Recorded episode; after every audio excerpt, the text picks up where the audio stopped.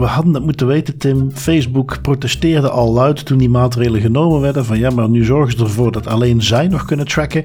En wie beter kan weten hoe zoiets zou werken, hoe zoiets in elkaar zit dan Facebook. We hadden toen meteen moeten denken: oké, we kunnen dus niet op alles geloven. Maar hier hebben ze waarschijnlijk gelijk in. Takes one to know ehm, one. Ja. ja, precies. Hallo en welkom bij Das Privé, jouw wekelijkse privacy podcast. Iedere aflevering praten we je bij over het reilen en zeilen in de wereld van privacy. Digitale spionage, boetes, datalekken, nieuwe technologie, privacy tools, oftewel alles dat er in een week gebeurt in privacyland. Ik ben Bart van Buitenen en samen met privacy bariton Tim van Haren hebben wij het privacy nieuws van deze week gecureerd en eruit gehaald wat er echt toe doet. Deze week kijken we eens naar een bouwsteen van het internet en hoe dat misschien eerder een blokje klei is. In Frankrijk is het niet ontgrendelen van je telefoon een gevangenisstraf waard en Europa blijkt dan toch een voedingsbodem voor spyware. We hebben nog wat Apple dat verder gaat op het slechte pad en de IPD heeft wellicht een van hun meest uitputtende onderzoeken ooit zojuist afgerond en die gaan we ook even bespreken. Um, ja, Tim, ik vlieg er gewoon meteen in met onze, een van onze headliners um, over iets uit het internet. En, en ja, mensen die al een tijdje met het internet bezig zijn, in de IT zitten, die kennis hebben van netwerken, die weten dat sommige onderdelen daarvan niet echt zo robuust zijn als ze misschien lijken. Eén onderdeeltje daarvan is een uh, Certificate Authority. Als ik tegen jou zeg Certificate Authority, wat denk je dan? Uh, wel, ja, dan denk ik aan de entiteit die eigenlijk de, de digitale certificaten waar we allemaal op berusten om ervoor te zorgen dat een website bijvoorbeeld te vertrouwen is dat zijn de entiteiten die ervoor zorgen dat dat wordt bewaard, dat het wordt gecreëerd, dat het op een veilige manier verloopt. Precies. En dus iets als je daar een beetje in zit, uh, wat best bekende kennis is, maar wellicht niet voor iedereen. Um, ook zinvol om dus daar eventjes op in te gaan. Want ja, je geeft al aan, uh, op iedere website waar jij komt, als daar HTTPS in de header staat, wat tegenwoordig bijna overal is, dat betekent dat de eigenaar van die website heeft ergens een certificaat gekregen waarmee hij de verbinding kan beveiligen. Waarmee de verbinding tussen jouw toestel en die website beveiligd is. Dat certificaat uh, zie je het als een soort papiertje waar iemand anders op verklaart: ja, deze website heeft inderdaad een beveiligde verbinding. Dat moet je op deze manier doen. Beste browser, beste toestel. En uh, ik garandeer dat dit inderdaad de website is die zegt dat die is. Nou, dat betekent dus, want dat zijn uh, autoriteiten die die blaadjes mogen uitgeven. Iedere website krijgt dan zo'n papiertje, zo'n certificaat. En alle browsers, of het nu Brave of daaronder Chromium, Chrome is, Mozilla, van Firefox, die hebben een lijst met alle autoriteiten die ze accepteren. Wat is nu een beetje een, een, ja, niet zo heel groot geheim. Maar opnieuw, voor, dan moet je er al een beetje in zitten.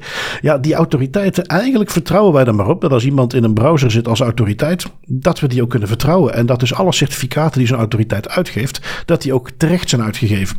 Um, nu in uh, ook bijvoorbeeld de lessen die ik bij Thomas More geef over security, pak ik dan wel eens zo'n lijstje met die certificaatautoriteiten erbij. En dan vraag ik mensen van oké, wie kent die bedrijven? Nou, meestal kent niemand die bedrijven, want dat zijn ook echt namen die je uh, nergens anders tegenkomt. De meest bekende is misschien nog Let's Encrypt, die bekend is omdat ze dat gratis doen. En uh, dat is een non-profit, en die kennen de meesten dan nog wel. Uh, maar voor de rest zijn het allemaal bedrijven die niemand kent. Die ik ook niet ken, tenzij ik ze dus ga opzoeken. Um, ja, wat die doen is niet anders dan continu aan alle websites die erom vragen, krijgen die een certificaatje om te zeggen: jullie mogen een beveiligde verbinding opzetten. En als iemand verbinding maakt met jouw website via een browser, dan vertrouwen ze dat. Um, wat is natuurlijk een beetje de clue om uh, daartussen te komen? Als jij als overheid bijvoorbeeld uh, toegang wilt krijgen tot de communicatie van jouw burgers, iets wat bijvoorbeeld in India, Pakistan, China uh, klassiek is, dan komt iemand bij jou op het internet in dat land, dan wordt er gevraagd om een certificaat te installeren. dat certificaat is dan van de Indische overheid of van een Indische controleerde onderneming en dat wordt dan vertrouwd in jouw browser. In de tussentijd betekent dat wel dat alle communicatie die op en neer gaat tussen jouw browser en de websites die je bezoekt, die kan dus uitgelezen worden. Nou, waarom doe ik heel dit verhaal? De Washington Post heeft een eh, leuk artikeltje gepubliceerd. waarin zij een van die certificaatautoriteiten. zeker niet een van de grootste, maar goed, je moet weten over heel de wereld. of in, in de Mozilla uh, browserlijst hebben ze er 169. Dus dat, die, die ken je natuurlijk niet allemaal. Um, en een van die bedrijven, TrustCore heet het. die is, zijn gaan onderzoeken. En met wat onderzoek, uh, een paper trail gevonden. dat de eigenaren van dat bedrijf. de mensen die betrokken zijn bij dat bedrijf. partners van dat bedrijf, dat die allemaal te linken zijn aan andere bedrijven die interceptiesoftware maken, die uh, aantoonbaar banden hebben met de Amerikaanse overheid. En ze zijn dat dus helemaal gaan uitspitten. Alle details staat al in het artikel, maar het komt erop neer dat zij echt wel een heel duidelijk verband aan kunnen tonen tussen Trustcore, die certificaatautoriteit die die certificaten uitgeeft, en de Amerikaanse overheid. Um, blijkt daarnaast ook nog eens dat Trustcore ook een uh, end-to-end encrypted mail aanbiedt. Denk een beetje à la Proton. Uh, waar ze ook reclame mee maken. Die ook specifiek getarget wordt op mensen die misschien onderdeel zijn van surveillance en dergelijke. Um, waarbij dan de Washington Post die heeft dat laten onderzoeken. En dan blijkt dat die zogenaamd end-to-end encrypted mail service van dat bedrijfje Trustcore. Dat die helemaal niet end-to-end encrypted is. En dat dat gewoon uit te lezen is uh, voor de, dat bedrijf zelf. Um, nu eindelijk is er dan is het gepubliceerd. De Washington Post heeft daar dus aandacht voor gevraagd. En Mozilla die heeft nu toch eens vragen gesteld aan dat bedrijfje. Um, of dat dat klopt en waar dat vandaan komt. En een wellicht gevolg is dat zij uit de store van Mozilla gegooid gaan worden. Dat zij dus niet meer erkend zijn als autoriteit. En dan zullen andere browsers volgen. Uh, maar dus typisch dat zo'n bedrijfje uh, daar eigenlijk heel makkelijk in komt. Uh, ze hebben ook in dat artikel hebben ze ook wel mensen geïnterviewd die zeggen: op het moment dat je geld genoeg hebt, is het eigenlijk helemaal niet moeilijk om een certificate authority op te zetten. Daar zit heel weinig controle op. En ja, als je daar dus over nadenkt, de macht rond surveillance en afluisteren die verkrijgt als je jezelf als certificate authority verkozen krijgt, dat is toch, um, en, en dat is één voorbeeldje. Je hebt nog zo'n ander uh, bekend protocol, BGP, voor de liefhebbers, waar men ook van weet dat het eigenlijk super kwetsbaar is. Dat is ook de backbone van het internet. Nou, die certificaatautoriteit uh, is daar ook een voorbeeldje van. En ja, dat is dus, nu hebben ze er eentje gevonden, maar er zullen dus wellicht nog zijn. Is dus iets wat eigenlijk relatief makkelijk geïnfiltreerd wordt door in dit geval een overheid, maar ja, wie weet wat voor andere actoren. Ja, en verhalen zoals deze leggen ook maar eens bloot hoe kwetsbaar het, het internet en onze digitale maatschappij is geworden. Want het vertrouwen in die certificate authorities draait enkel en alleen op, op ja, letterlijk dat, hè, goed vertrouwen. Er is ja. geen andere manier om te weten of dat die, die bedrijven, die certificate authorities, echt wel legitieme bedoelingen hebben en gewoon als certificate authority willen optreden, of dat er iets meer kwaadaardig of, of uh, nadelig aan de gang is. Ja, absoluut. En uh, ja, voor de mensen die zoiets interessant vinden, uh, een, een, een, een, bekend voorbeeldje waar dit ook effectief in de praktijk is misbruikt, is een Nederlands bedrijfje van een aantal jaar geleden wat DigiNota heette.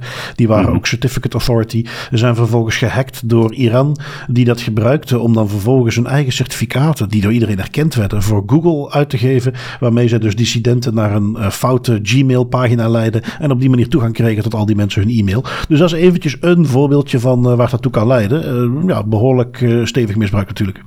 Ja, het, het, voordeel natuurlijk wel aan het feit dat het uh, volledig berust op vertrouwen, die hele ketting, is dat van zodra dat het aan het licht komt dat die, een van die entiteiten niet te vertrouwen is, wordt er doorgaans wel redelijk snel actie ondernomen. Hè. Zoals nu ook bijvoorbeeld Mozilla heeft al actie ondernomen. Naar alle waarschijnlijkheid gaan andere browseraanbieders hetzelfde gaan doen. Het is, het is een kwestie van ze te vinden vooral. Ja, ja, ja, ja, wat ik nog interessant vond, nog één detailje uit het artikel, is als ze dus mee ook de vraag stellen van ja, maar kijk, hoe, hoe kan dat eigenlijk? Want op zich, oké, aan de ene kant is het uh, relatief makkelijk om een certificate authority te worden, maar dat wordt wel in de gaten gehouden. Als je op een gegeven moment consequent foute certificaten uitgeeft, ja, dan blijf je niet lang in die trust store zitten.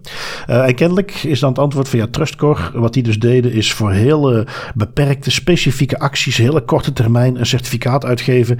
Um, want ze hebben dan iemand gevonden, een bron die dan bekend is met de werking van dat bedrijfje. Die geven dan dus heel kort voor specifieke activiteiten geven een certificaat uit. Wordt daarna meteen weer ingetrokken. En dat is dan kennelijk de manier hoe ze voorkomen dat ze te snel uh, gevonden worden. Ja, wat dus nu niet gelukt is. Maar goed, opnieuw tussen die 169 bedrijfjes, als je die eens helemaal zo uitspitten, is het niet ondenkbaar dat er nog wel een paar loesje certificaatautoriteiten tussen zitten.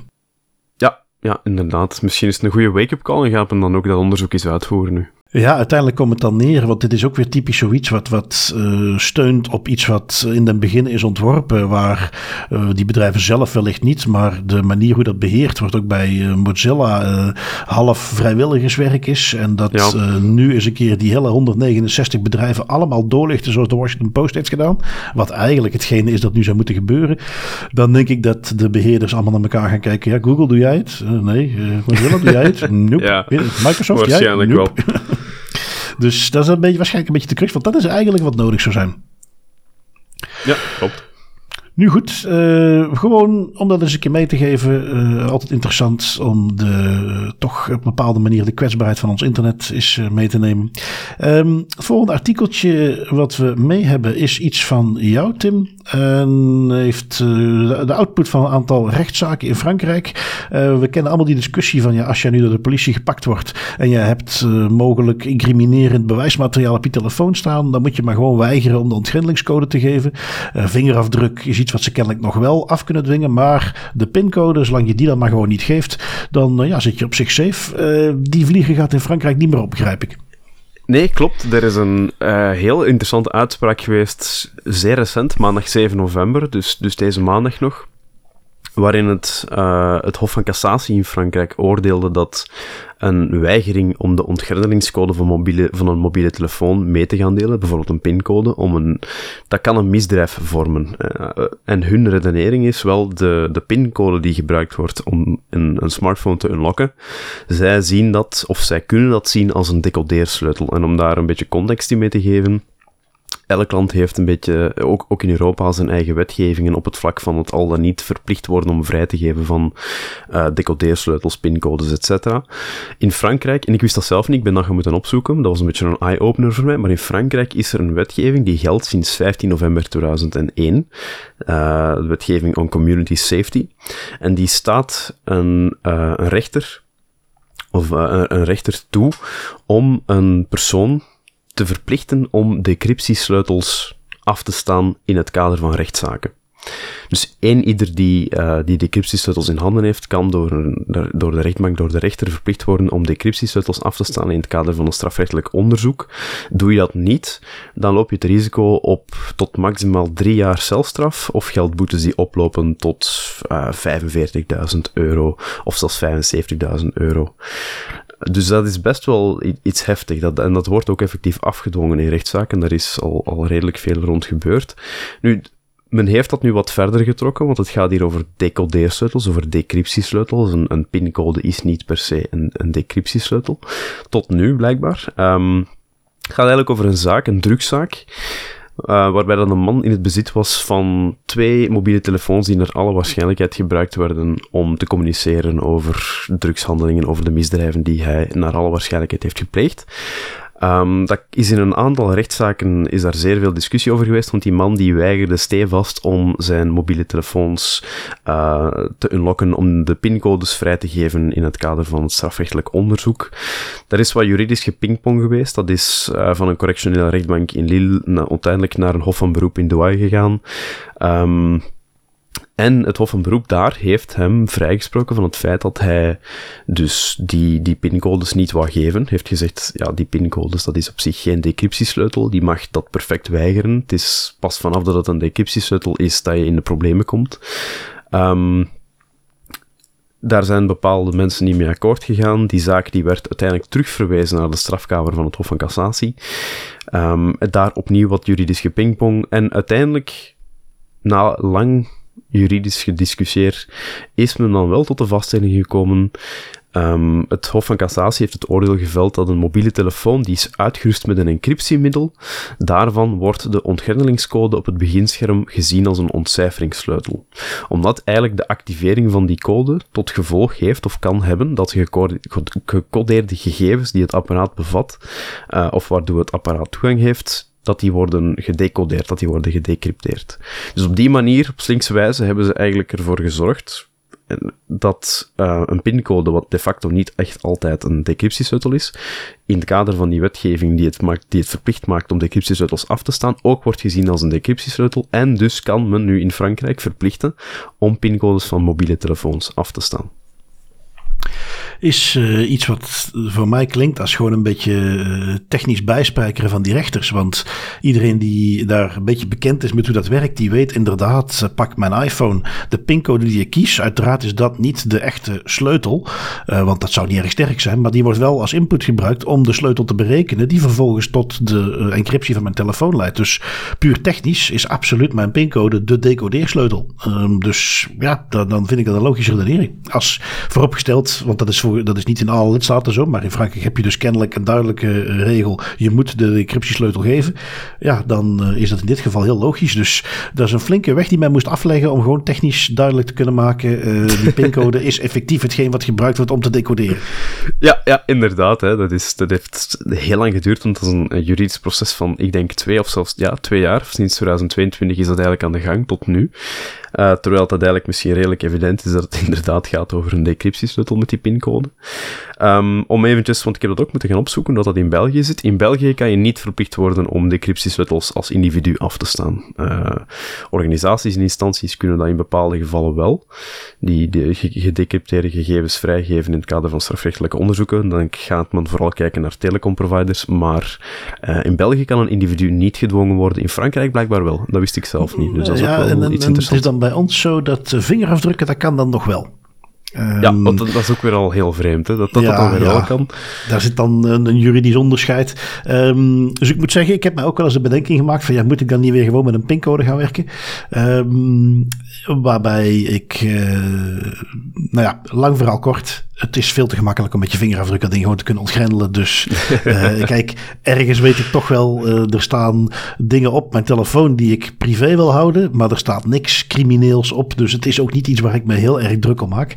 Um, aan de andere kant, en dan zit je meer in, in, in ja, niet zo theoretische toestanden, hè, maar dat jij uh, door fouten door politie er dingen uit je mobiel gehaald worden die in een verkeerde context gebruikt worden en dat je op die manier toch schuldig bevonden wordt, terwijl het niet zo is en dat het dan interessant zou kunnen zijn om gewoon toch het recht te hebben om het ding niet te decrypteren. In ieder geval uh, voor mij niet genoeg reden om te zeggen ik ga voor het alleen maar met een pincode werken. Maar um, ja, wellicht dus toch nog een, een das privé, das beter. Maak je daar wel druk om, dan moet je dus een pincode gebruiken en niet je vingerafdruk. Ja, klopt. Of uh, je moet gewoon tijdens het verhoor, als ze vragen om je pincode te, uh, om je gsm te unlocken, als je hem zelf in je handen hebt, je moet, als je een iPhone hebt tenminste, heel toevallig tien keer de verkeerde code ingeven, want dan wipet hij ook automatisch. Er is een instelling die je, kan, die je kan toepassen en als je dat tien keer verkeerd ingeeft, dan doet hij een full wipe. En ik denk, um, ik heb dat ergens gelezen, ik, op een blog, ik denk dat Graphene OS, hè, waar, dat wij, waar dat jij eigenlijk ook al een blogpost over hebt gemaakt, die, die privacy phone, die gaat binnenkort ook een functie bevatten waarmee dat het veel gemakkelijker wordt om die dingen in een noodsituatie te wipen. Ah, binnenkort, oké. want ik had er toevallig net nog naar zitten zoeken, want ik heb net weer een telefoon uh, op Graphene OS gezet. Um, uh, dat is interessant om te weten. Dus, um, dus het is een functie ja. waar ze aan het werken zijn. Oké, okay. ja, interessant. Um, even zien, dan gaan wij door naar uh, Europa, op Europees niveau toch. daar heeft men het Europees Parlement, heeft Sophie in veld, dat is een Nederlandse Europees parlementariër, zit daar al een hele tijd. Um, dat toch een beetje bekend als als voorvechter van mensenrechten en ook zeker als er privacy issues aankomt, dan is zij er meestal wel bij betrokken.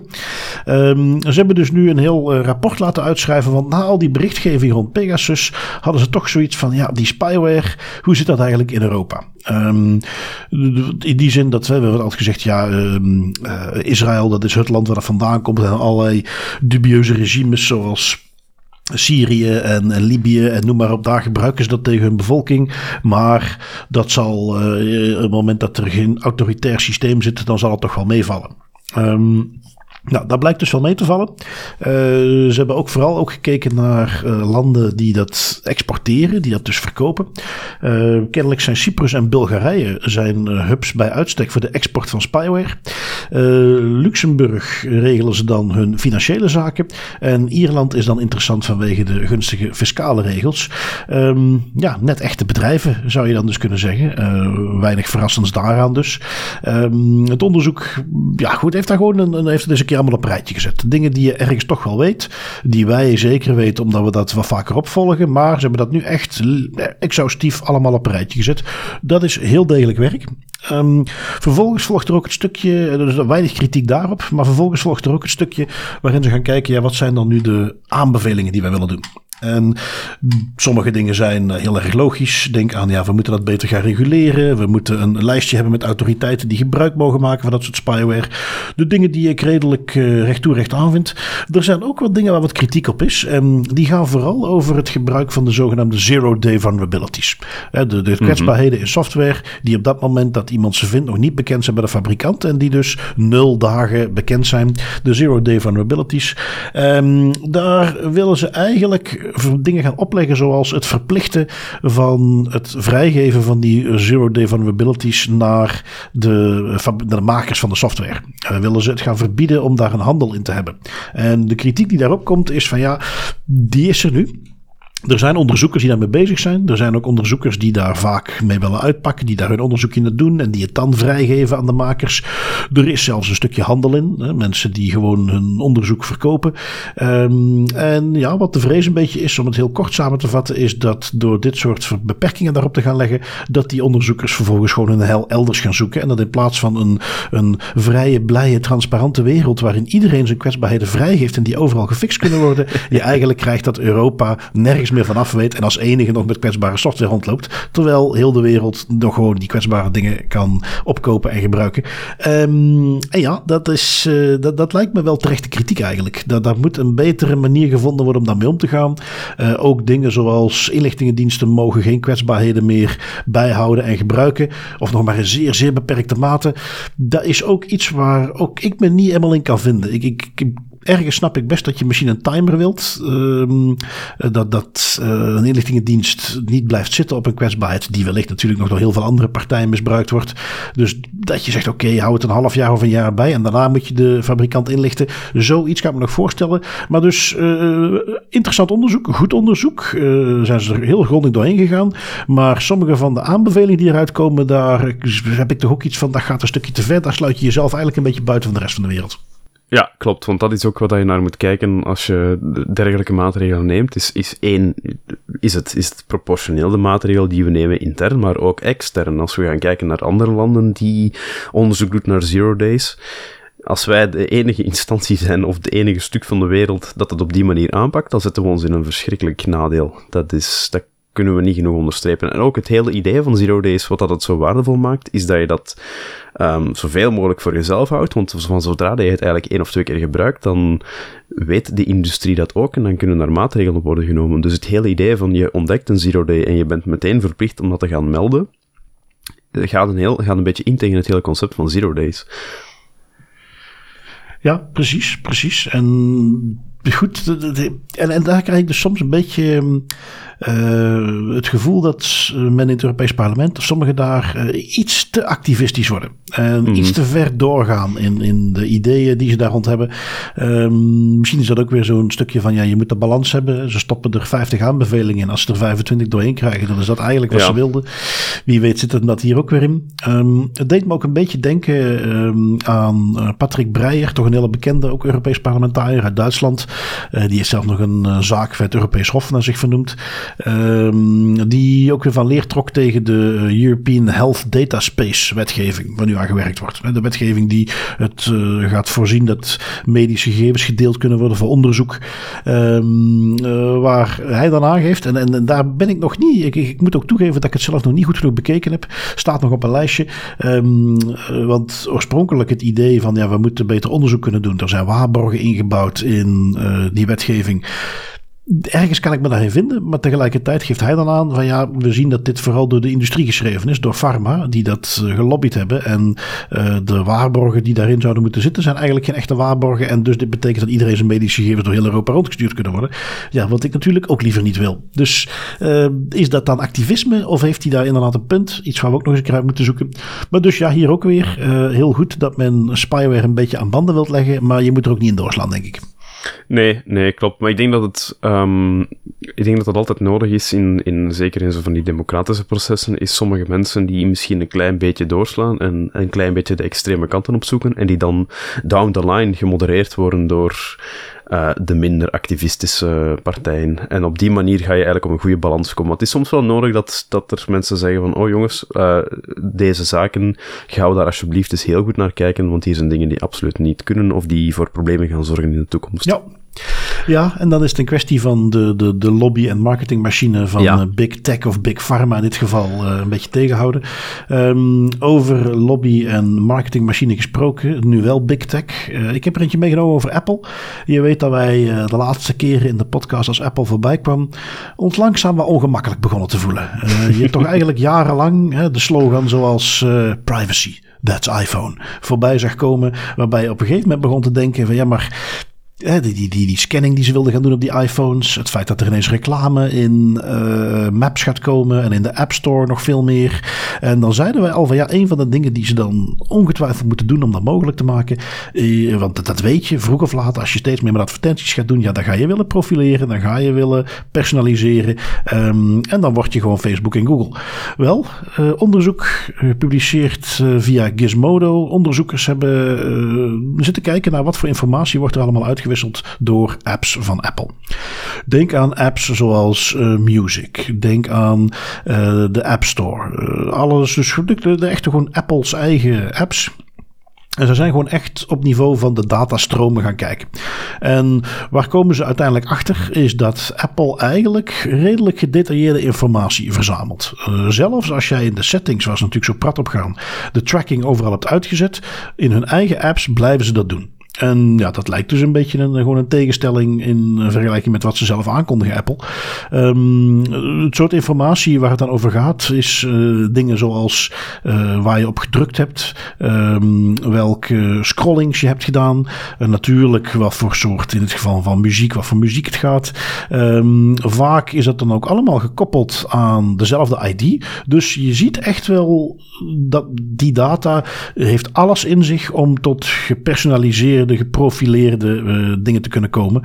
Um, en ja, dat, dat neigt steeds meer toe naar die, die uh, ja, god, gewoon de advertentiemachine die veel andere bedrijven ook zijn. Alsof Apple na al die jaren zoiets heeft gehad van, hé, hey, daar willen wij ook van meepikken. Het is goed geweest, hè? we maken zo weinig winst, armen wij, we gaan daar eens even iets aan doen.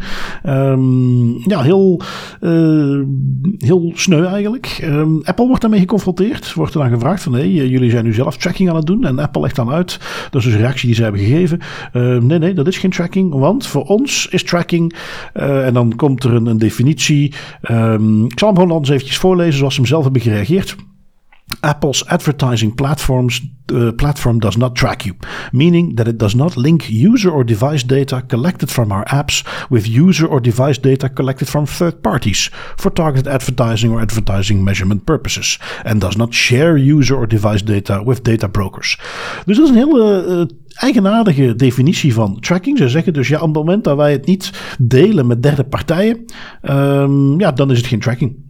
Wat natuurlijk belachelijk is, want op het moment dat jij mij in de gaten houdt, of dat nu zeker binnen Apples ecosysteem slash platform, ja, dat is data genoeg. Dan ben je gewoon aan het profileren, dan ben je mij gewoon aan het tracken. En het feit dat je niet doorverkoopt, oké, dat valt dan weer mee, maar het is nog steeds wel tracking. Dus ja, dat is een beetje uh, legal weasel taal die ik van Apple niet gewend ben, waarvan, uh, dat gaat toch ook weer in tegen wat we al een beetje aanvoelden, dat, dat privacy ding. En ja, het wil maar zeggen dat mijn projectje om uh, langzaam wat naar Linux over te schakelen. Om toch eens te kijken of die iPhone niet vervangen kan worden. Um, ik ga daar nog niet mee stoppen. Nee, nee, je hebt alle redenen om te blijven doen. Elke podcast meer en meer. En uh, ik, ik vond het heel grappig toen je de definitie of hun definiëring van tracking voorlas, want dat verraadt in mijn ogen al heel veel over de, de mentaliteit die bij Apple heerst momenteel. Hè.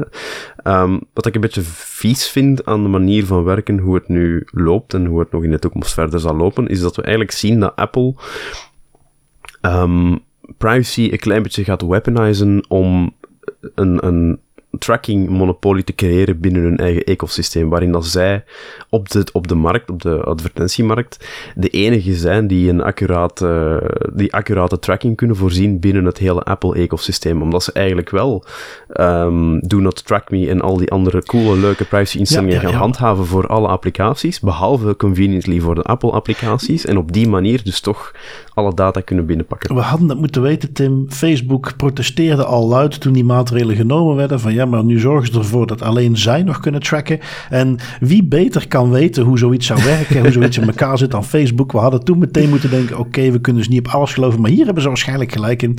Takes um, one to know en, one. Ja. ja. precies. En het is gewoon ja, jammer om te zien. Hè. Ze hebben daar jarenlang naar marketing toe alles op ingezet, tot op het punt dat ook ik zoiets had van, nou goed, Apple, dat, dat is het. En dan zit je, en maar goed, het ecosysteem. Want ik loop er dus tegenaan, maar we gaan dat rustig doorzetten. Ik loop er dus tegenaan, om maar een heel dom, evident dingetje te noemen. Ehm, je Apple Watch, die kun je gewoon uit het raam gooien als je niet meer op een iPhone zit. Dan heb je er eigenlijk helemaal niks meer aan. En ja, dat is, dat is dan zo'n dingetje. nu goed, we gaan daar gewoon mee door. En wij gaan ook blijven updaten als Apple met die dingen komt. Voor, voor, nu komt er gewoon langzaamaan aan de horizon steeds meer zichtbaar dat het ook een advertentieprofileerder gaat worden. Ehm, en uh, ja, goed, uh, voor mensen die dat erg vinden, zou ik dus zeggen: ga toch eens op je gemak naar uh, alternatieven kijken. Um, ze hebben het wat betreft marketing wel goed voor elkaar. Ik uh, ken iemand, ik ga zijn naam niet noemen, maar toch echt wel in privacyland een hele bekende voorvechter. Die ik daar eens naar vroeg. Die zelf ook helemaal in het Apple-ecosysteem zit. Um, en die ondanks alles toch echt niet van plan is om dat systeem te gaan verlaten. Dus om maar te zeggen, ze hebben het wat dat betreft goed voor elkaar. Um, even zien, wat hebben we dan nog? Ah ja, nog een leuke, nog een leuke. Airbnb, die vindt dat ze toch dingen moeten kunnen die anderen niet kunnen. Wat is dat, Tim? Uh, ja, het, het, het, ding met Airbnb is, dit gaat eigenlijk, het is een artikel um, dat een probleem beschrijft dat zich voordoet bij Airbnb. Namelijk dat Airbnb het nog altijd toestaat dat verhuurders van uh, flat studio's, huizen, whatever, dat die verhuurders, de eigenaren eigenlijk van het gebouw, camera's ophangen in de openbare ruimtes of de common rooms van uh, die gebouwen of van die ruimtes. Dus waar het eigenlijk over gaat is, hè, um, voor de mensen die bijvoorbeeld nog nooit hebben gehoord van Airbnb of die niet weten wat dat is. Airbnb is eigenlijk een uh, platform waarop dat jij als eigenaar van een woning of een appartement of een studio dat die ruimte ter beschikking kan stellen voor mensen die daar willen overnachten. Mensen kunnen daar dan uh, kunnen dat dan net zoals dat je een hotel boekt die kamer boeken voor een x aantal nachten en dan kan je daar overnachten in dat appartement of die studio. Uh, is heel gemakkelijk als je prijs bent. Is, is op zich werkt dat platform ook heel goed. Maar het nadeel is dat um, Airbnb redelijk veel ruimtes openlaat en redelijk veel grijze ruimtes openlaat als het aankomt op bijvoorbeeld het ophangen van camera's in de keuken of in de living. Um, en daar wordt nu eigenlijk een klein beetje aan de alarmbel getrokken. Men zegt namelijk, ja kijk, um, stel dat ik op Airbnb een appartement huur voor drie nachten. En ik merk dat daar in dat appartement op een bepaald moment een camera hangt gericht naar de living en een camera hangt gericht naar de keuken. Dan heb ik eigenlijk als, als consument, als klant van, van Airbnb en van die huurder, bijna geen voet om op te staan om daar een probleem van te maken, want Airbnb als platform laat dat toe.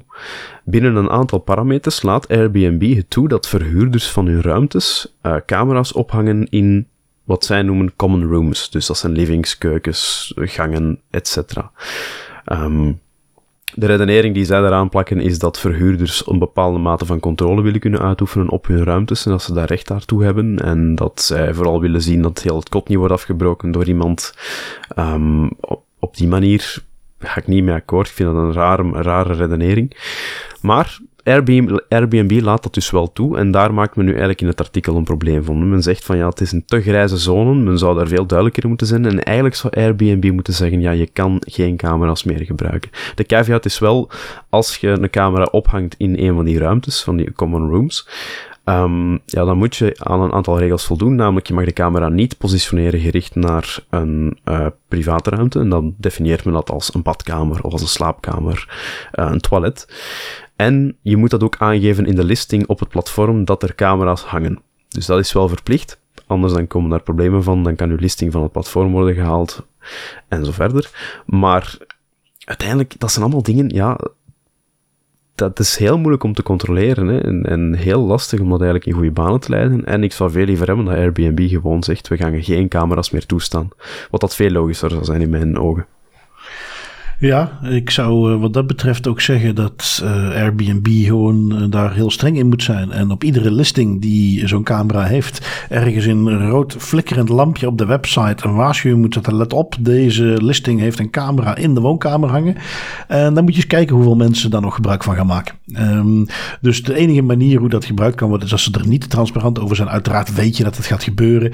Dus Airbnb zou daar gewoon een hele simpele policy in moeten hebben. Dit kan niet. Um, ja, kijk, eh, wat je, een beetje wat je overhoudt is, eh, Airbnb kan het natuurlijk nu ineens wel gaan afdwingen. Um, niks belet dat iemand dat alsnog gaat doen natuurlijk. Maar goed puur in de context van uh, doorhebben wat wel en niet mag. Hè, gewoon naar awareness toe. Niet iedereen is een pure voyeur die graag die camera's ophangt tegen alle wetgeving in. Heel veel mensen die zoiets zouden willen doen, maar die van Airbnb de info krijgen van hey, dat is niet de bedoeling. Je mag geen camera's hangen. Als je dat doet, word je acuut van Airbnb afgegooid. Dat zou waarschijnlijk al een heleboel oplossen. Um, mm -hmm. Voor de rest, om het helemaal te voorkomen, ja, als je ooit iedere Airbnb waar je komt dat doe ik zelf ook, zonder dat ik daar tools voorbij heb of zo. Maar ik ga toch echt even rondkijken, want inderdaad, je weet het nooit. En ja, triest dat Airbnb, want het gaat natuurlijk ook even voor de duidelijkheid, gaat gewoon ook gewoon in, in Europa tegen de regels. Hè? De, in Europa zo'n camera hangen als eigenaar uh, kan gewoon niet. Op het moment dat ik zo'n ding huur, uh, kan dat niet. In een hotelkamer moet je dat ook niet proberen. Dat is niet anders dan hier. Um, je mag het in de gemeenschappelijke delen als in een gang of een, uh, een deur, toegangsdeur beneden, zou je dat nog kunnen verkocht krijgen. Met moeite denk ik. Maar goed, daar zou je nog kunnen zeggen, er is grijs gebied. Maar in het leefgedeelte, no way. Nee, inderdaad. Hè, los van het gevoelsmatige aspect van deze discussie is het in Europa ook gewoon niet legaal. En, en dat is ook logisch. Ja, het is, dat is hetzelfde als dat je zegt van ik eh, pak een suite in mijn hotel en sommige delen van de suite, de, de openbare ruimtes van die suite zo gezegd, daar hangen camera's. Dat doe je ook niet. Dat is ook logisch. Dus nee, op nee, datzelfde nee, niveau zou Airbnb gewoon een streep in het zand moeten trekken en hun verantwoordelijkheid moeten pakken als platform. Ja, absoluut. Zij faciliteren hiermee surveillance. En als ja. we dan over surveillance hebben, ja, dan moet je het ook over China hebben. En uh, ik kwam in een artikeltje tegen ja, ik had toch even zoiets van, hè, wat? Is dat, hoe, hoe? Uh, waar gaat het over? China heeft politiekantoren geopend in Nederland. Die hebben twee politiekantoren. Um, sinds 2018 uh, hebben ze twee bureaus geopend. Um, uiteraard illegaal. Um, wat is het idee erachter? Ja, zoals je al kunt verwachten, uh, in China heb je wel wat dissidenten. Mensen die het niet helemaal eens zijn met het beleid wat gevoerd wordt. En die proberen te vluchten.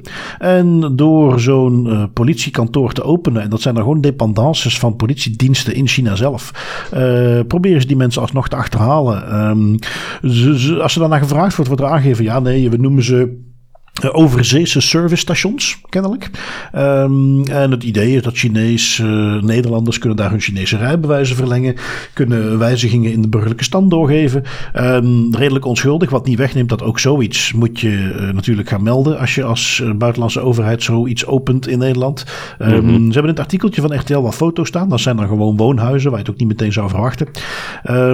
ze hebben dan voor het artikel ook een dissident gevonden, een zekere Wang Jingyu, die die uh, daarmee geconfronteerd is met de werking van zijn bureau. En dan wordt meteen duidelijk wat het echte doel is.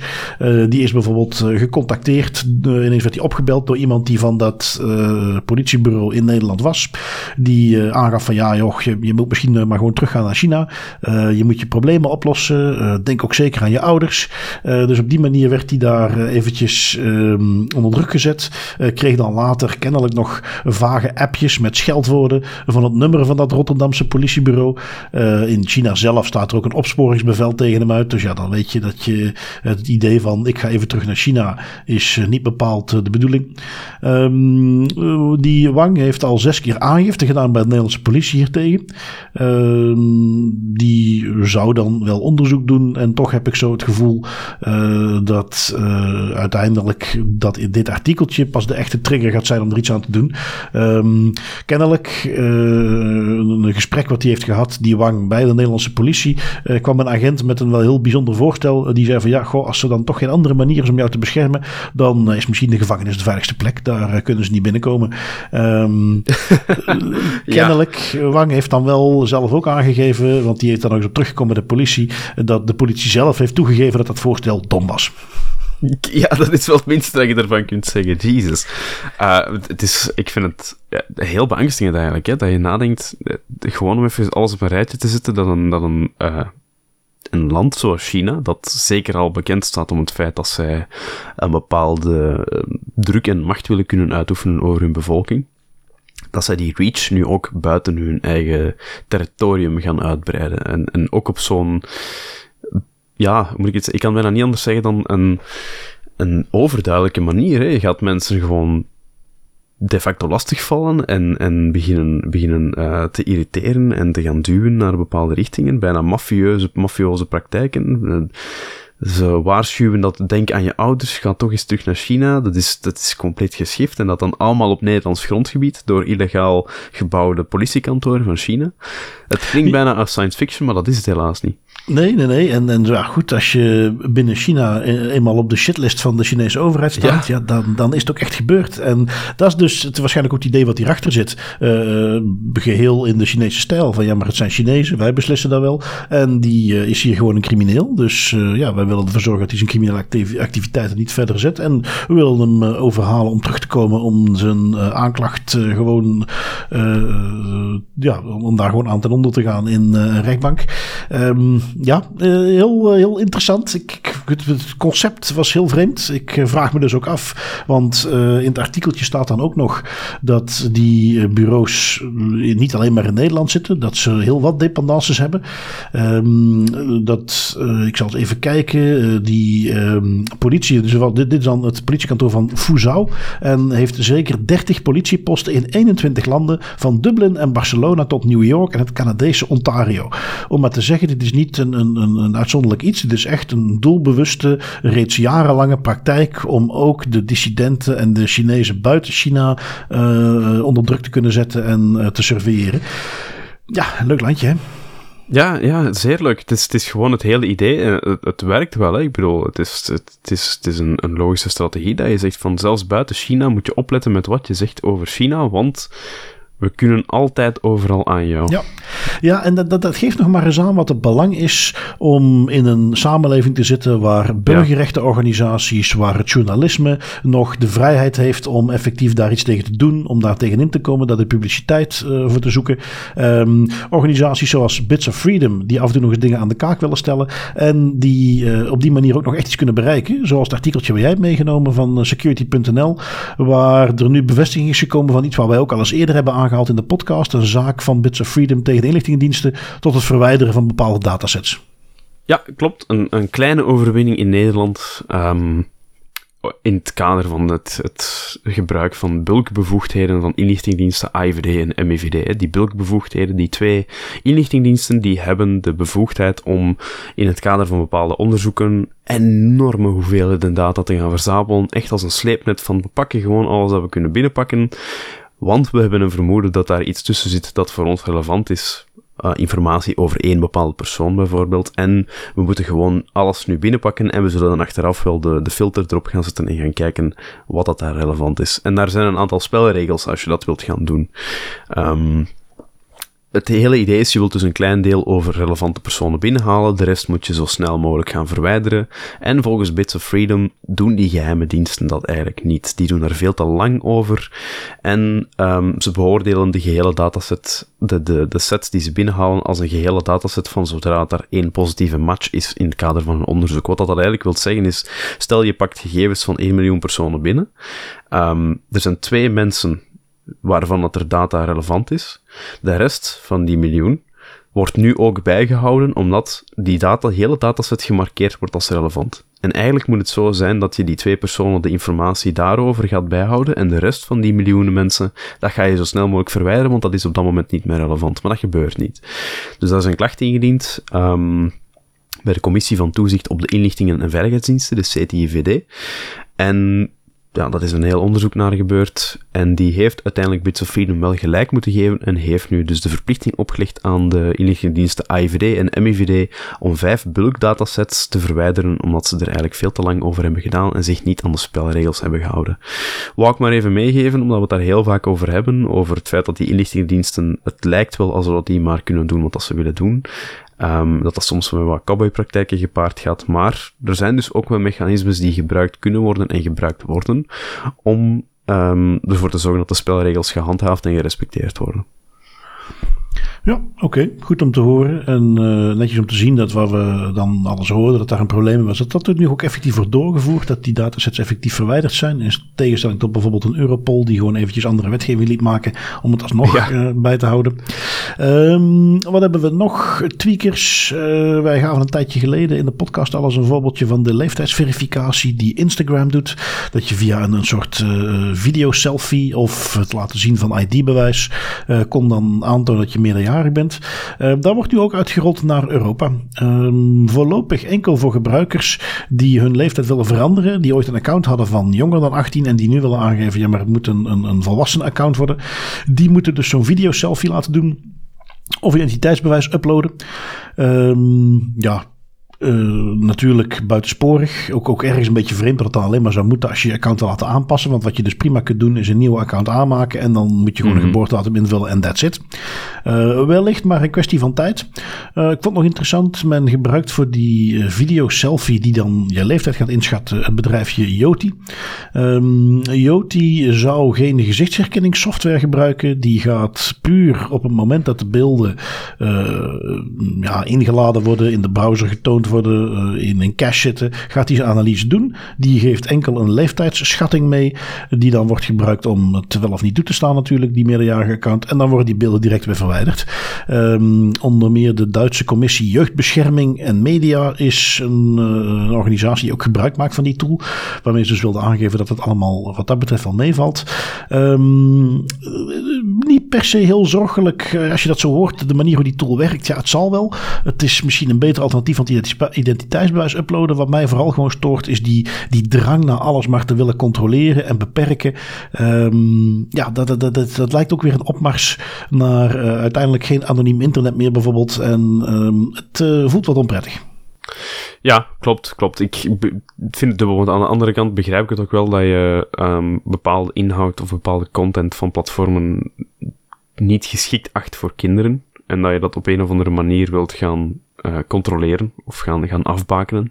Dat begrijp ik ergens wel, want er valt zeker iets voor te zeggen voor het effect dat het openbaar internet heeft op, op kinderen en op de, de, ja, het, opgroeien van kinderen als die in contact komen met zaken waar ze eigenlijk op een bepaalde leeftijd nog niet in contact mee zouden moeten of mogen komen, afhankelijk van hoe dat je daar naar kijkt, valt daar wel iets voor te zeggen, vind ik. Um, maar langs de andere kant, ik ben ook een gigantische voorstander van een anoniem internet en een internet waarop dat je eigenlijk toegang kan krijgen tot content zonder dat jij moet aantonen dat je bent wie dat je beweert te zijn. Dat is een van de essentiële aspecten van het internet in mijn ogen.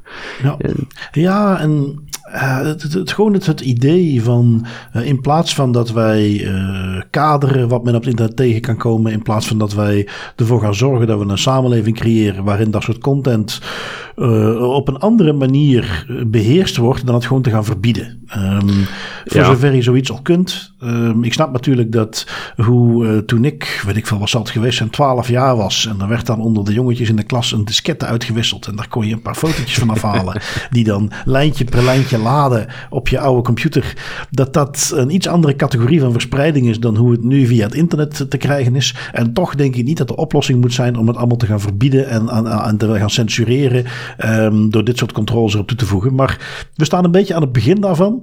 Misschien dat uh, we zijn het allemaal als samenleving nog een beetje aan het uitzoeken hoe we dat het beste kunnen doen.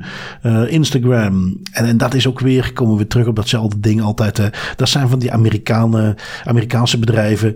Dat zijn van die puriteinen soms. Aan de ene kant hebben ze de meest belachelijke dingen rond censuur van scheldwoorden op tv. Uh, maar tegelijkertijd zijn ze de grootste pornoconsument van heel de wereld. Um, uh, zolang die hypocrisie en, en, en ergens wat, wat vreemd omgaan met dat soort dingen. Uh, maar niet te veel komt overwaaien. Omdat al die big tech bedrijven nu eenmaal van Amerikaanse oorsprong zijn. Dat is iets waar we ook een beetje op moeten letten.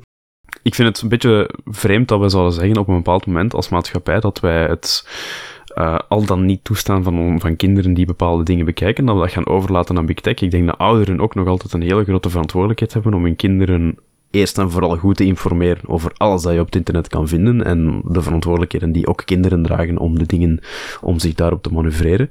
Maar ook gewoon dat ouders zelf een beetje een, een, uh, een mooi evenwicht vinden over helder communiceren met hun kinderen, een bepaalde vorm van controle hebben en op die manier te werk gaan. Ik vind het allemaal bij Instagram leggen en wijzen met de vinger dat het hun verantwoordelijkheid is, vind ik verkeerd.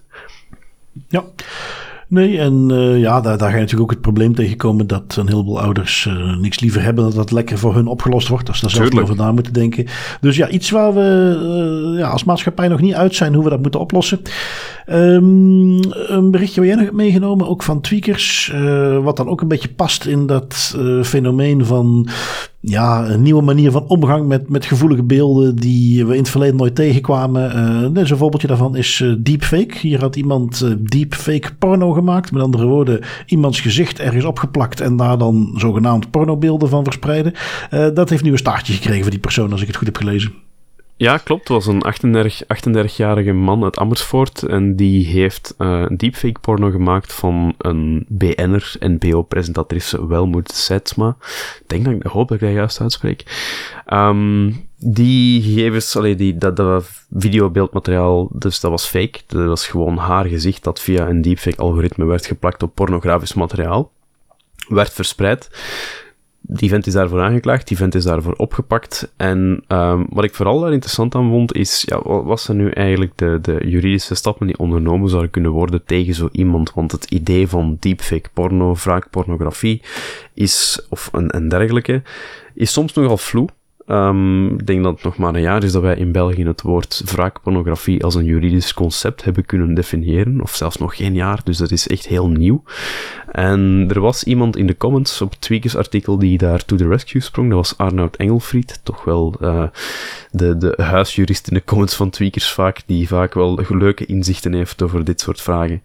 Um, die zei van ja kijk, naast het feit dat je hier al zit met een potentiële smaad en laster, Um, wat dat in 2008 al herkend werd bij het verspreiden van pornografie over mensen, is er nog een apart artikel in de Nederlandse wetgeving, uh, artikel 139h strafrecht. En dat verbiedt het stiekem maken van seksueel beeldmateriaal van een ander, het beschikken over en openbaar maken van zulk materiaal en het openbaar maken van beelden en seksuele aard, wanneer men weet dat die openbaarmaking nadelig kan zijn. Dan is de vraag, de vervolgvraag, ja, is deepfake pornografie, is dat seksueel beeldmateriaal van een persoon, want eigenlijk de facto is het niet zijn of haar pornografisch beeldmateriaal. Dat is eigenlijk niet meer en niet minder dan een, uh, een artistieke interpretatie via een algoritme van die persoon die dan pornografische zaken pleegt. Maar daar wordt dan ook op meegegeven, ja kijk, um, het, het is een afbeelding, een pornografische afbeelding. Dat is waar dat de rand, de definiëring gemaakt wordt. En dat kan ook een tekening of een schilderij zijn. En als het ook een tekening of een schilderij kan zijn, dus een kunstzinnige interpretatie van die persoon, ja, waarom dan ook niet een deepfake? Het is in ieder geval de bedoeling dat dat daaronder valt, onder die definitie van, van pornografisch beeldmateriaal, een pornografische afbeelding. Vond ik interessant, want dat is, dat was meteen, ik begon meteen na te denken van ja, oké, okay, het, het is een deepfake die je gaat verspreiden van iemand. Hoe kan je dat juridisch hard maken dat dat nadelige gevolgen heeft? En hoe kan je dat juridisch hard maken dat daar effectief wel gevolgen aan moeten zijn en moeten aan hangen? Ja, uh, alleen maar terecht. Hè. Uh, kijk, gevoelsmatig zie ik nog wel uh, dat er een verschil is tussen het verspreiden van echt beeldmateriaal en van dat ja. deepfake materiaal. Um, dat daar dus niet dezelfde straffen tegenover moeten staan. Helemaal mee eens. Maar dat er wel iets aan gedaan moet kunnen worden. Dat dat iets is wat niet zomaar straffeloos moet kunnen. Denk ik dat wij een discussie over kan zijn. Wat ik misschien, um, dan moet ik meteen denken aan het idee van die deep nude. Het hele idee van je gaat een, een foto van een, van een vrouw in bikini door een bepaald algoritme halen en daar komt gewoon een anatomisch correcte naakte voorstelling van het lichaam van die vrouw uit. Hetzelfde principe uiteindelijk. Um, wat ik daar meteen wel bij bedenk is, ja, oké, jij weet als slachtoffer perfect dat dat niet jouw lichaam is, of dat dat niet jij bent die deelneemt aan, aan die pornografische handelingen in dat beeldmateriaal. Maar vooral de rest van de wereld kan dat perfect accuraat zijn en kan dat wel zo overkomen. En dan heeft dat in mijn ogen een zeer gelijkaardig effect op het slachtoffer. Het feit dat je dat, het slachtoffer weet gerust dat, dat zij of hij dat niet is in dat beeldmateriaal, maar de rest van de wereld weet dat niet. En dus is het effect op het slachtoffer grotendeels hetzelfde, zou ik denken. Ja, ja, absoluut, absoluut. En op het moment dat, want daar gaat het om, we kijken hier niet vanuit de crimineel, maar we kijken vanuit het slachtoffer. En op het moment dat het effect op het slachtoffer hetzelfde is, of het nu echt of fake materiaal is, ja, dan hoort de strafmaat ook gelijkaardig te zijn. Dus uh, ja, uh, zo simpel kan het zijn. Um, dan heb ik nog kort iets mee. En uh, toch iets wat ik opvolg, omdat ik gewoon heel benieuwd ben of daar nou eens een keer iets uitkomt. Want er zijn meer van die zaken die zo lopen. Maar goed, we hebben er weer twee. In Nederland, ja, we kennen het principe van de claimstichting daar heel goed. Men is daar dol op het oprichten van een, een VZW'tje, een stichting, die dan vervolgens een rechtszaak gaat voeren. We kenden al um, degene tegen TikTok. Daar heeft nu een Amsterdamse rechtbank ook toegestaan dat die claims mogen doorgaan. Dus dat gaat nu effectief uh, een zaak in. Uh, TikTok had natuurlijk uh, aan proberen aan te tonen van ja, maar dat kan hier helemaal niet. Um, probeerde zelfs nog te zeggen van ja, maar dit is toch wel een hele complexe interpretatie van Europese wetgeving. Dus je moet hier prejudiciële vragen aan het Europees Hof gaan stellen. Heel goed wetende dat je dan voor een paar jaar vertrokken bent. Uh, heeft de Amsterdamse rechtbank allemaal kort, uh, kortaf meegemaakt en gezegd: nee, deze zaak kan gewoon doorgaan. Ik zie geen reden om prejudiciële vragen te gaan stellen. Dus ja, wellicht daar dus binnenkort wat uitkomst over. Um, zo'nzelfde op de website je staat te koop.nl. Uh, die dan weer tegen Twitter is. Dat is ook weer zo'n stichting die uh, zich dan weer tegen de praktijken van Twitter keert. Ja, ik ben heel benieuwd om eens te zien of er uit een van die zaken op een gegeven moment iets komt. Want het, precedent, uh, daar sluit dan een miljoen mensen zich bij aan. die krijgen allemaal 500 of 1500 euro toegekend als schadevergoeding. Ja, dat zijn bedragen die kunnen tellen. Dus iets wat we op zich waar soort, niet helemaal dezelfde, maar waar soortgelijke wetgeving in België ook wel bestaat. En uh, ja, wat dat is misschien de, de push kan zijn. Ik heb het al vaker wel eens aangehaald. Ik zie daar echt twee sporen als het gaat om handhaving GDPR. Aan de ene kant autoriteiten en de boete die ze opleggen. Maar ja, dat gaat gewoon rustig kabbelend voort. Vaak lange processen, vaak in hele hoge boetes. Maar goed, belangrijk spoor, die zijn er. Maar aan de andere kant heb je de acties die je als burger en op deze manier met uh, samen actie kunt ondernemen. Dus ik ben er wel fan van en ik kijk er naar uit om eens een keer te zien uh, tot wat zo'n zaak uiteindelijk komt. Uh, even zien in de categorie datalekken. Ik heb er nog een uh, eentje meegenomen. Het uh, kadaster in Nederland. Um, ja, uiteraard een grote bron van gegevens over mensen hun adressen. En daar zit een functie in dat jij een aanvraag kunt indienen om jouw gegevens geheim te houden. dat is nog los van de speciale functie voor bepaalde publieke personen. Die, die, die, ja, die bestaat ook. Maar je kunt ook nog zelf gewoon een aanvraag indienen. dat kan bijvoorbeeld gelegen zijn in het feit dat je slachtoffer van stalking bent. Dat jouw gegevens niet vrijgegeven moeten worden. Um, nou, dan geef je dat door. Dan wordt dat opgenomen in het kadaster. Het kadaster heeft recent een update gedaan van zijn software. Want uiteraard kun je het kadaster ook digitaal gaan bevragen. Heeft een update gedaan van hun software. En uh, ja, oeps, foutje in die update die ze pas een maand later zelf achterhaalden na meldingen. Uh, die afscherming van die geheime adressen die werkte niet meer. Dus als je ergens in de keten zat van bedrijven die dat konden opvragen door een aanpassing in die software, kon je die opvragingen ineens wel doen, waar dat eerst niet kon. Um, ja, best wel gevoelig. Um, wat mij daar vooral uh, bijbleef is als je zo'n functie hebt in je software. We hebben de wettelijke verplichting tot privacy by design. Die staat in de GDPR ingeschreven. Daar uh, zou ik hier in dit geval uithalen in de context van het kadaster, in de context van die functie van geheime adressen. Ja, dat jij na iedere release, na iedere update test mm -hmm. of die functie nog werkt zoals die hoort te werken. Dat lijkt mij iets fundamenteels. wat dus kennelijk bij het kadaster er niet in zat. Ja, ik was zelf aan het denken, het is, het is heel vreemd dat het eigenlijk erdoor glipt, want dat is de, de, hele idee van die, van die functies, namelijk dat het de data geheim houdt en dan zou je dat toch liefst eens willen testen. Lijkt me ook heel makkelijk om te testen uiteindelijk. Ja, dus, precies, vreemd. precies. Um, goed, dan zijn wij toegekomen aan onze autoriteiten. You will respect my authority! Uh, de eerste die ik heb is er eentje die, uh, ja, die jij eigenlijk hebt. Uh, UPS, die een, een stevige boete krijgt voor iets wat op het eerste zicht eigenlijk niet zo heel heftig klinkt, moet ik zeggen. Uh, nee, inderdaad. Het is UPS die, die krijgt een boete voor van 70.000 euro voor het afgeven van het pakketje aan de buren zonder de toestemming van degene die het effectief moest ontvangen. En op het eerste, zacht, eerste zicht dacht ik van ja, oké, dit is eigenlijk uh, lichtjes buiten proportie. Het is uiteraard weer van de AIPD. Hoe kan het ook anders? Dit soort boetes. Maar daar ben ik er een beetje in gaan duiken. En er is wel wat meer aan de hand daar. Um, het is eigenlijk meer een, een, een kwestie. Het was een hele discussie over wie dat daar eigenlijk de verwerker was. En wie dat daar de verwerkingsverantwoordelijke was. En daar draait een heel groot deel van de boete over. Want wat UPS eigenlijk op een bepaald moment zei in die, in die discussie met de AIPD is namelijk dat zij verwerker waren, omdat zij enkel en alleen in opdracht van Mediamarkt, degene waar het pakketje vandaan kwam, uh, het pakketje hebben, hebben, hebben bezorgd aan, aan de ontvanger. Um, en ze hadden een servicecontract en in dat servicecontract stond best dat het pakketje mocht afgeleverd worden bij de buren als de ontvanger niet thuis was. AIPD is daar niet meegegaan. Interessant genoeg, de AIPD heeft gezegd van wel, kijk, een servicecontract is eerst en vooral geen verwerkersovereenkomst volgens artikel 28 van de GPR. Er staan een aantal zaken in, niet in die er zouden in moeten staan. Het is helemaal niet duidelijk wie dat eigenlijk de echte verantwoordelijke is en wie dat de verwerker is, of dat dat hier gaat over twee verantwoordelijken. Dus wij gaan jou, UPS, als bedrijf um, in, in deze zaak moeten klassificeren als controller, als verwerkingsverantwoordelijke, want wij hebben geen idee of we kunnen nu niet vaststellen welke rol jullie hebben. En jullie hebben het ook niet goed vastgesteld. En op die manier heeft UPS dan toch een boete gekregen. Um, ik denk, als ik het hier nog eventjes bijneem, ze hebben 50.000 euro boete gekregen voor het schenden van artikel 5.1. Het, het vrijgeven van informatie van persoonsgegevens zonder de toestemming van de persoon in kwestie, van de betrokkenen. Dat ging dan over het pakketje en over de naam op het pakketje.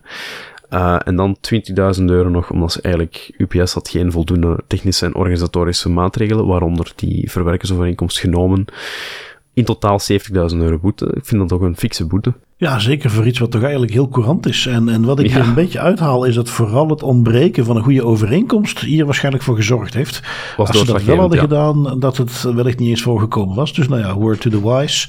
Nog maar eens een bevestiging waarom je uh, ook als verwerker een goede overeenkomst wilt. Want hier beoordeelde AIPD dus. Verwerker, nee, geen goede overeenkomst. Jullie zijn bij deze controller. En dat betekent dat je hiervoor aansprakelijk bent. Ja, een interessante. De AIPD was zeker, was sowieso flink bezig. Zoals altijd natuurlijk. Um, ik denk wel dat zij nu een van hun zwaarste onderzoeken tot op heden zojuist hebben afgerond. Um, het is namelijk 122 pagina's die ze gepubliceerd hebben. Okay. Um, ehm, ze hebben daar een heel serieus onderzoek naar gedaan. Ik moet zeggen, ik deed dat open en ik dacht, goh, 122 pagina's, hoe komt dat toch? dan moet ik toegeven, uh, ja, een onderdeel van het uh, werk was dat ze Heel erg, hè, van een, een, bedrijf dat TechPump heet, hebben ze zeer nauwkeurig alle websites van dat bedrijf zijn ze gaan nalopen. Je ziet in de besluit ook echt een oplijsting van alle privacy policies van al die websites die eronder vallen. En dan komt de aap uit de mouw. Het gaat hier namelijk om een provider van adult content. Uh, we hebben het over uh, websites zoals soloporno.xxx. En ineens kun je je voorstellen waarom er in dat besluit privacy policy per privacy policy, site per site staat opgesomd wat de problemen zijn. um, alle gekheid op een stokje. Het lijstje is wel serieus. Um, data werd gedeeld binnen de groep. Er waren geen bewaartermijnen. Er werd geen toestemming gegeven voor bepaalde verwerkingen. Uh, er was geen enkele controle op de leeftijd. De privacy policy was alleen maar beschikbaar in het Engels. Als je rechten wilde uitoefenen, moest je eerst je identiteitskaart insturen.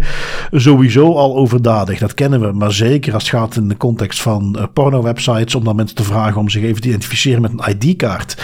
Terwijl daarvoor hun identiteit misschien niet bekend was. Ja, dat is al helemaal een extra barrière.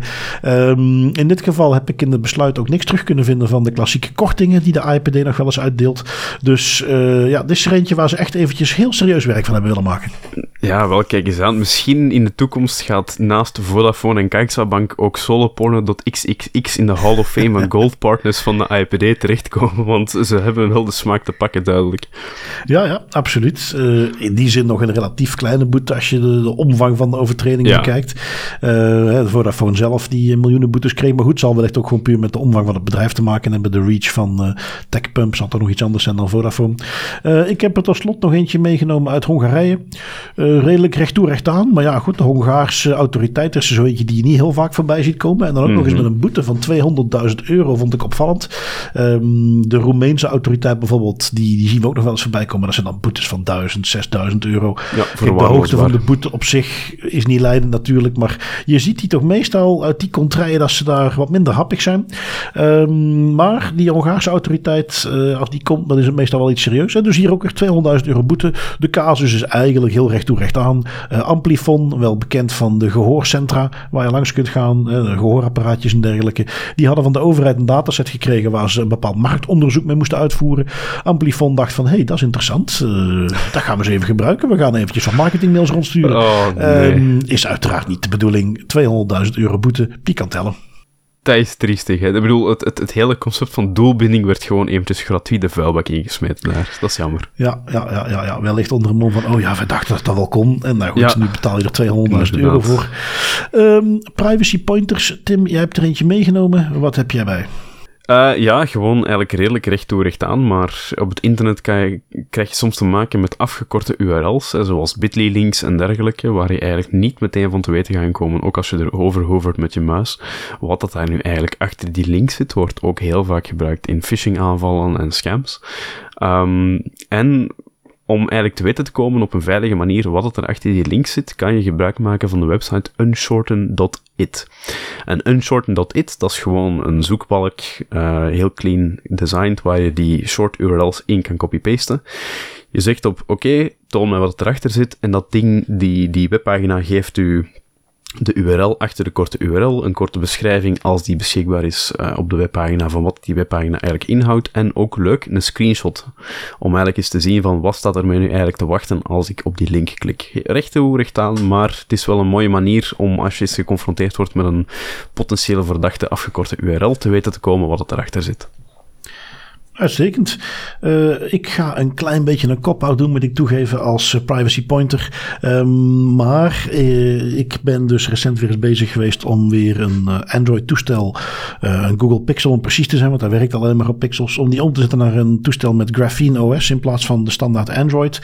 Dat is een proces wat weer zeer vlot is gegaan en waar ik toch heel tevreden over ben. En voor iedereen die daar wel eens interesse in heeft, of die misschien binnenkort naar een nieuwe telefoon moet, ik ben natuurlijk ook een beetje aan het doen in, in mijn testcase om uh, op termijn over te stappen van het Apple-ecosysteem, raad ik gewoon toch nog eens aan om uh, eens een keer te kijken of je Android-toestel niet kunt omvormen tot uh, een, een, wat veiliger toestel met Graphene OS.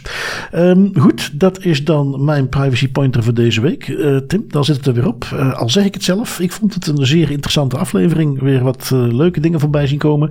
Ik hoop ook voor de luisteraars en ik spreek jou volgende week weer. Yes, zoals altijd Bart, met heel veel plezier en tot volgende week. Tot volgende week.